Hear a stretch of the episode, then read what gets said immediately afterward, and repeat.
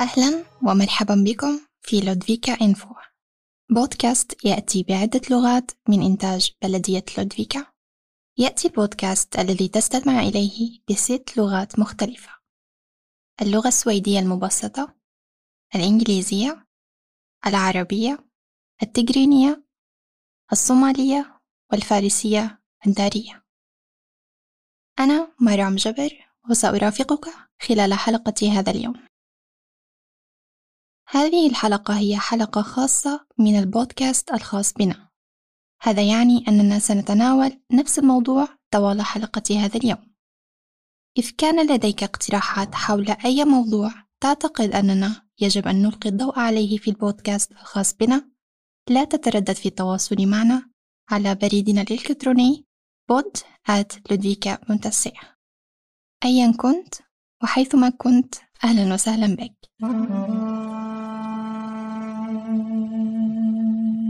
تعد قضية المناخ واحدة من أهم القضايا المجتمعية التي نواجهها في السويد وتظهر الاستطلاعات أنها أيضا موضوع يثير قلق الكثيرين في السويد تشير الدراسات إلى أن وضع المناخ في بعض الأحيان يقلق الشباب أكثر من تهديدات الإرهاب وأشياء أخرى التي يمكن أن تؤثر على مجتمعنا بطريقة سلبية. يؤثر المناخ على جميع الناس في بعض أنحاء العالم، وإثر تغير المناخ كثيرا لدرجة أن الناس أجبروا على الفرار من ديارهم. يعتقد جميع الباحثين الذين يعملون في الأبحاث المتعلقة بالمناخ أن تغيير المناخ الحالي يأتي نتيجة ما يقوم به البشر. إن استخدام ما يسمى بالوقود الأحفوري مثل النفط، الفحم والغاز قد مكننا نحن البشر من التمتع بحياة أفضل، ولكن الغازات السامة المنبعثة من هذه المواد دمرت البيئة، وقد تسبب هذا في ارتفاع درجات الحرارة. عند ارتفاع درجة الحرارة بدرجتين قد يضطر ما يصل إلى مليار شخص إلى الفرار بسبب الجفاف أو ارتفاع مستوى سطح البحر أو الفيضانات أو نقص المياه النظيفة. وهو وضع يعتبر أسوأ حالة بالنسبة لأفقر الناس على كوكبنا.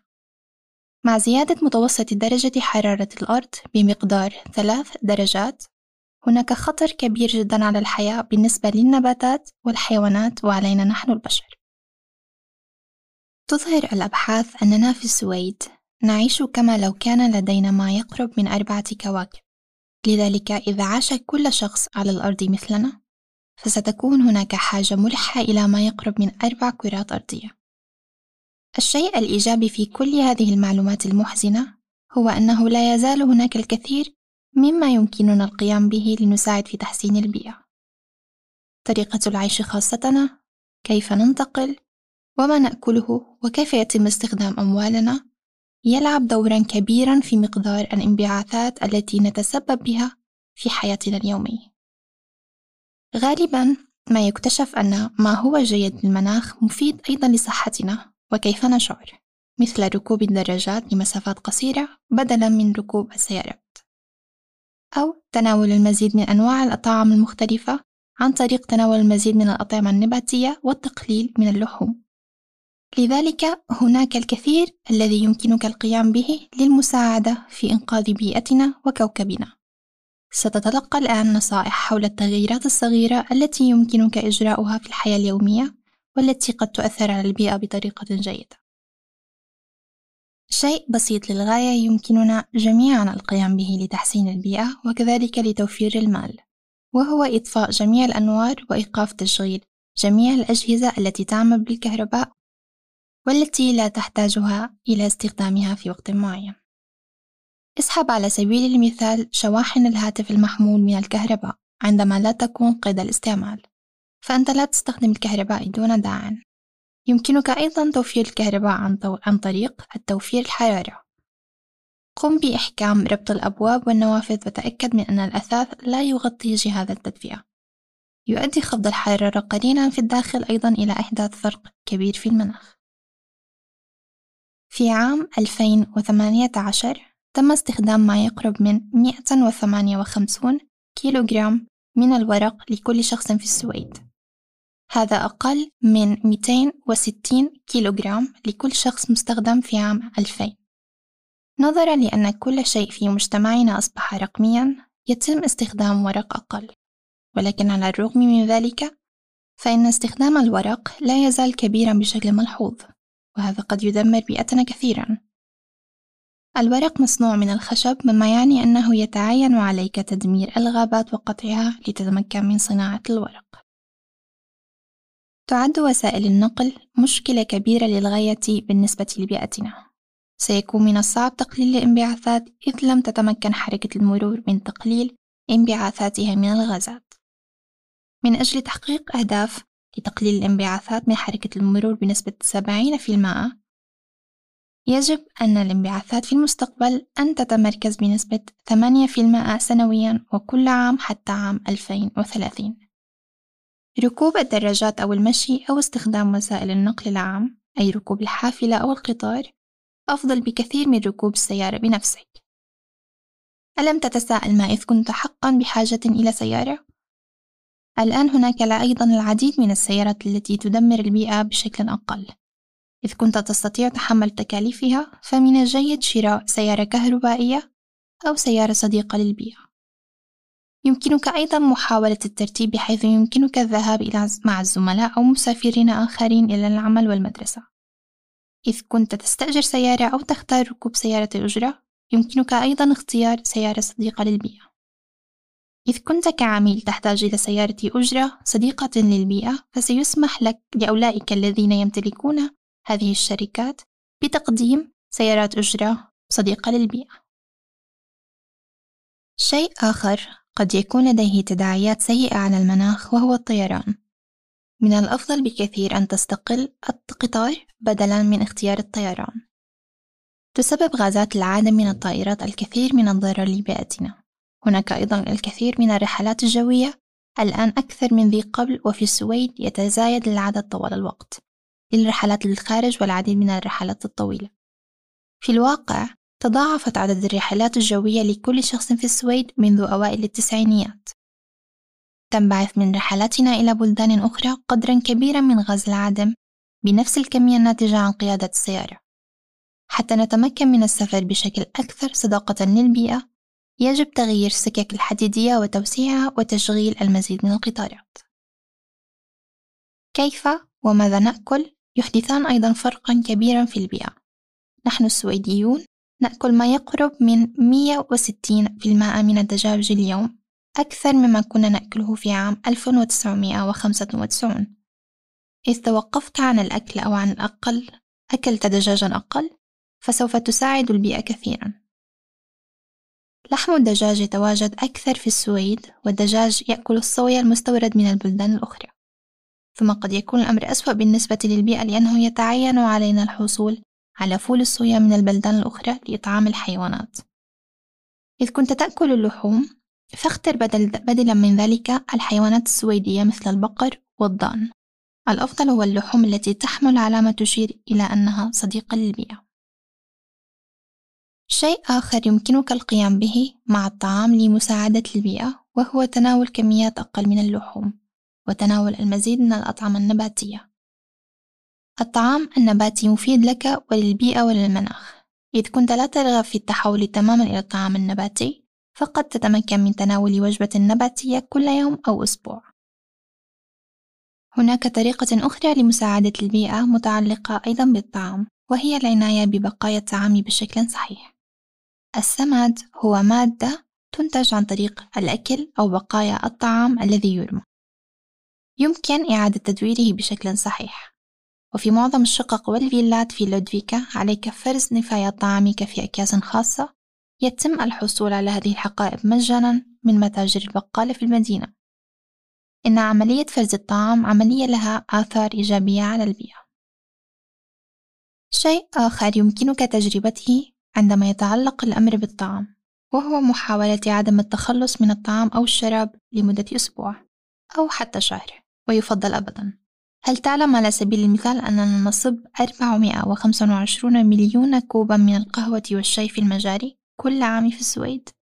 ويتم التخلص من 95 كيلوغراما من الطعام لكل شخص وسنة في السويد وبما أن الطعام يؤثر على المناخ فمن الجيد حقا استخدام كل الطعام الذي تشتريه يمكن للأسرة توفير ما لا يقل عن ثلاثة آلاف أو إلى ستة آلاف كورونا سويدية في السنة عن طريق التوقف عن التخلص من الطعام. حاول استخدام بقايا الطعام المتبقية بعد تناول أطباق جديدة.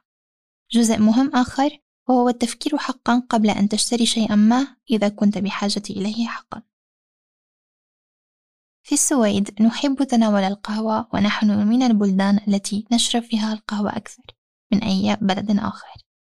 نشرب ما يصل إلى 3.2 أكواب من القهوة لكل شخص يوميا. ولكن عند صنع القهوة يتأثر الناس والحيوانات والطبيعة بشكل سيء.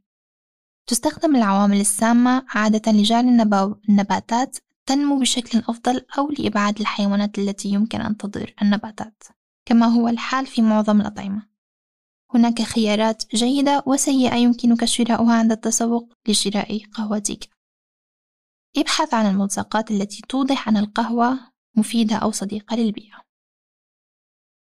يمكن للشوكولا أن تكون ضارة بالبيئة حقا. الشوكولا تحتوي على الكاكاو وتنمو شجرة الكاكاو داخل الغابات المطيرة. إذا أكلنا هذا الكاكاو فهذا إيجابي جدا لكل الغابات المطيرة والأشخاص الذين يعملون في مجال تصنيع الشوكولا. ولكن يمكن أيضا زراعة الكاكاو بالسموم في أماكن ضخمة التي زرعت فيها الأشجار. هذه هي الأماكن التي تم فيها قطع الغابات المطيرة. هذا هو السبب في أن اختيارك للشوكولا مهم للغاية. الاختيار الصحيح يساعد الغابات المطيرة والخيار الخاطئ يمكن أن يدمر الغابات المطيرة. هناك ملصقات على الشوكولا الجيدة تظهر على أنها لم تدمر البيئة عند صناعتها. الشيء المهم الآخر الذي يجب أن يكون واضحا ولكن لا يتم اتباعه دائما هو أنه لا يجب رمي أي مواد في المرحاض عدا عن الفضلات البشرية وورق ورق المرحاض أو ما يسمى بتوا بابر وهو ورق يتحلل في الماء. الأشياء المتبقية التي لا يمكن رميها في المرحاض مكانه هو سلة المهملات. القمامة والمواد الكيماوية والأدوية مواد لا يجب رميها في مياه الصرف الصحي ولا يستطيع من يقوم بتقنية المياه التخلص منها أيضا. تتأثر الأسماك والحيوانات الأخرى التي تعيش في الماء سلبا بالمواد الطبية والكيميائية في الطبيعة. يمكنك أيضا أن تكون لطيفا أو صديقا مع البيئة من خلال تغيير عقود الكهرباء. يمكنك بعد ذلك اختيار شركة تمنحك الكهرباء من الماء أو الرياح أو الشمس أي عن طريق الطاقة الشمسية على سبيل المثال. الآن سبعة وثمانون بالمائة من الطاقة في العالم تأتي من الوقود الأحفوري النفط والفحم الضارين بالمناخ. تهدف السويد إلى الحصول على نظام يستخدم الكهرباء الصديقة للبيئة بنسبة 100% بحلول 2040 من السهل التفكير في أنه يجب عليك شراء جديد فقط عند تعطل شيء ما ولكن عندما يتعلق الأمر بالتكنولوجيا فعادة ما يستغرق الأمر الكثير من الوقت. لماذا لا تحاول إرسال العناصر الفنية الخاصة بك للإصلاح؟ يؤثر تصنيع الإلكترونيات الجديدة بشكل كبير على البيئة.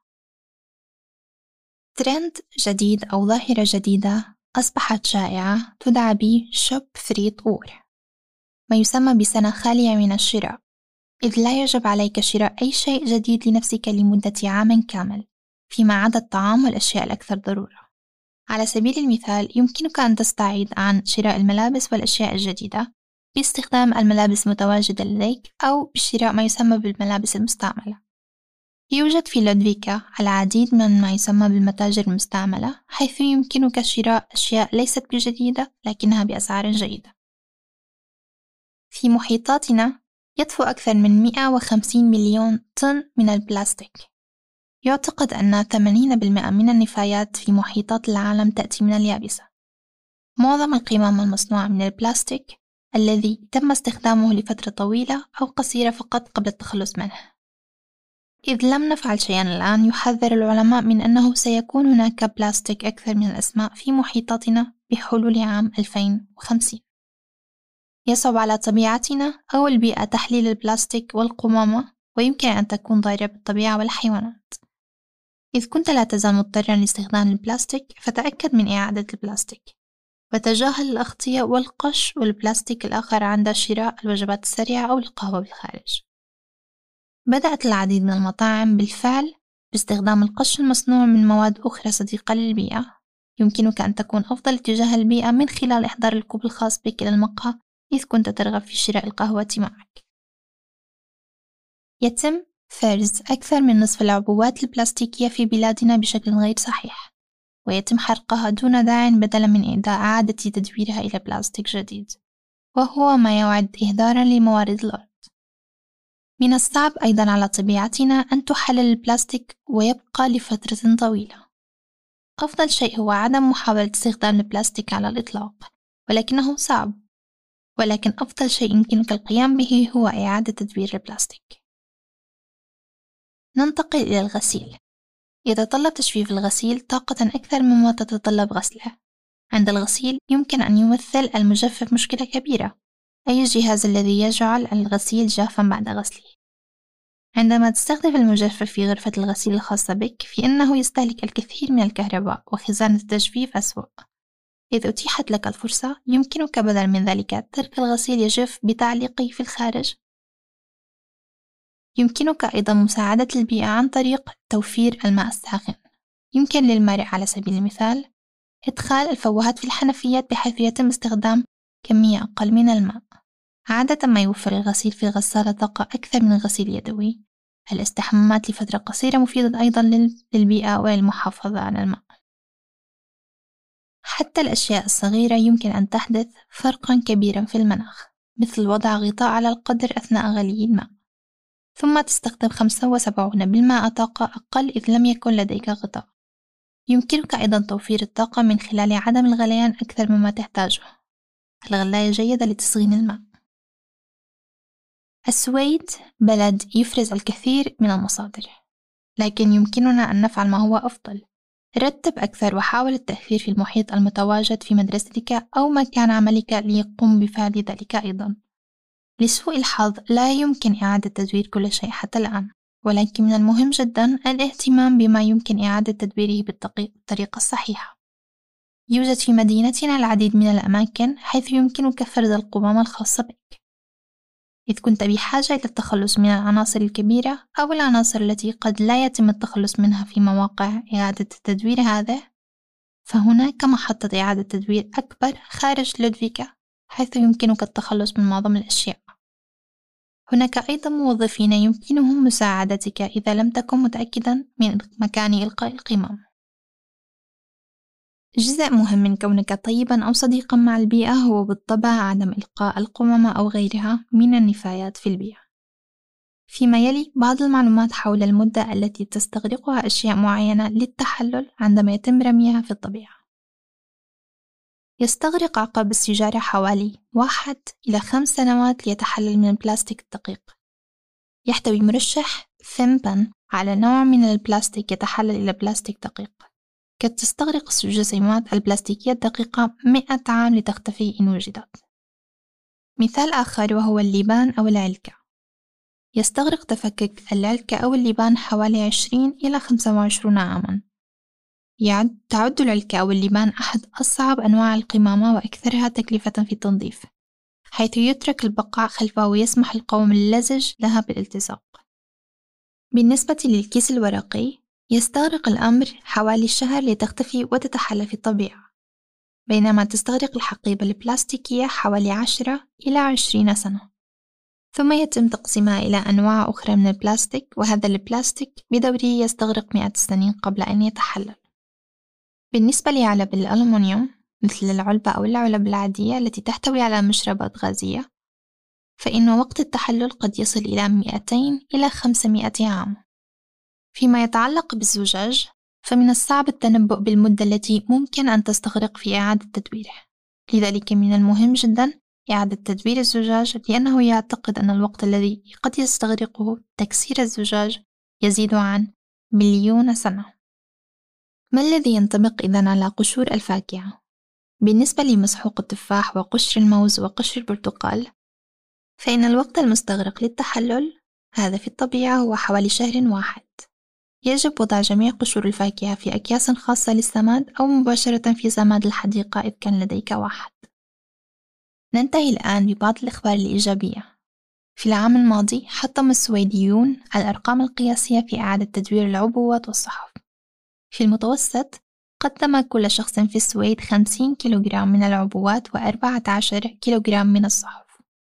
وهناك خبر سار آخر وهو أن الهواء قد تحسن أثناء فترة الوباء.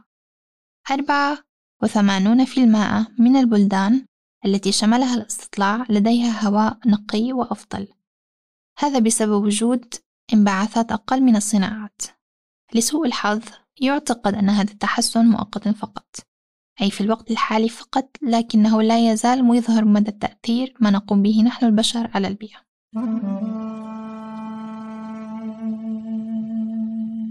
السويدية لهذا الأسبوع. في هذا القسم من الجيد التحدث عن أحد أشهر المدافعين عن المناخ في عصرنا وهو أيضا شخصية سويدية غريتا تومبري. أصبحت مشهورة عندما بدأت في أغسطس 2018 غريتا جلست خارج البرلمان السويدي مع لافتة كتب عليها إضراب المدرسة من أجل المناخ.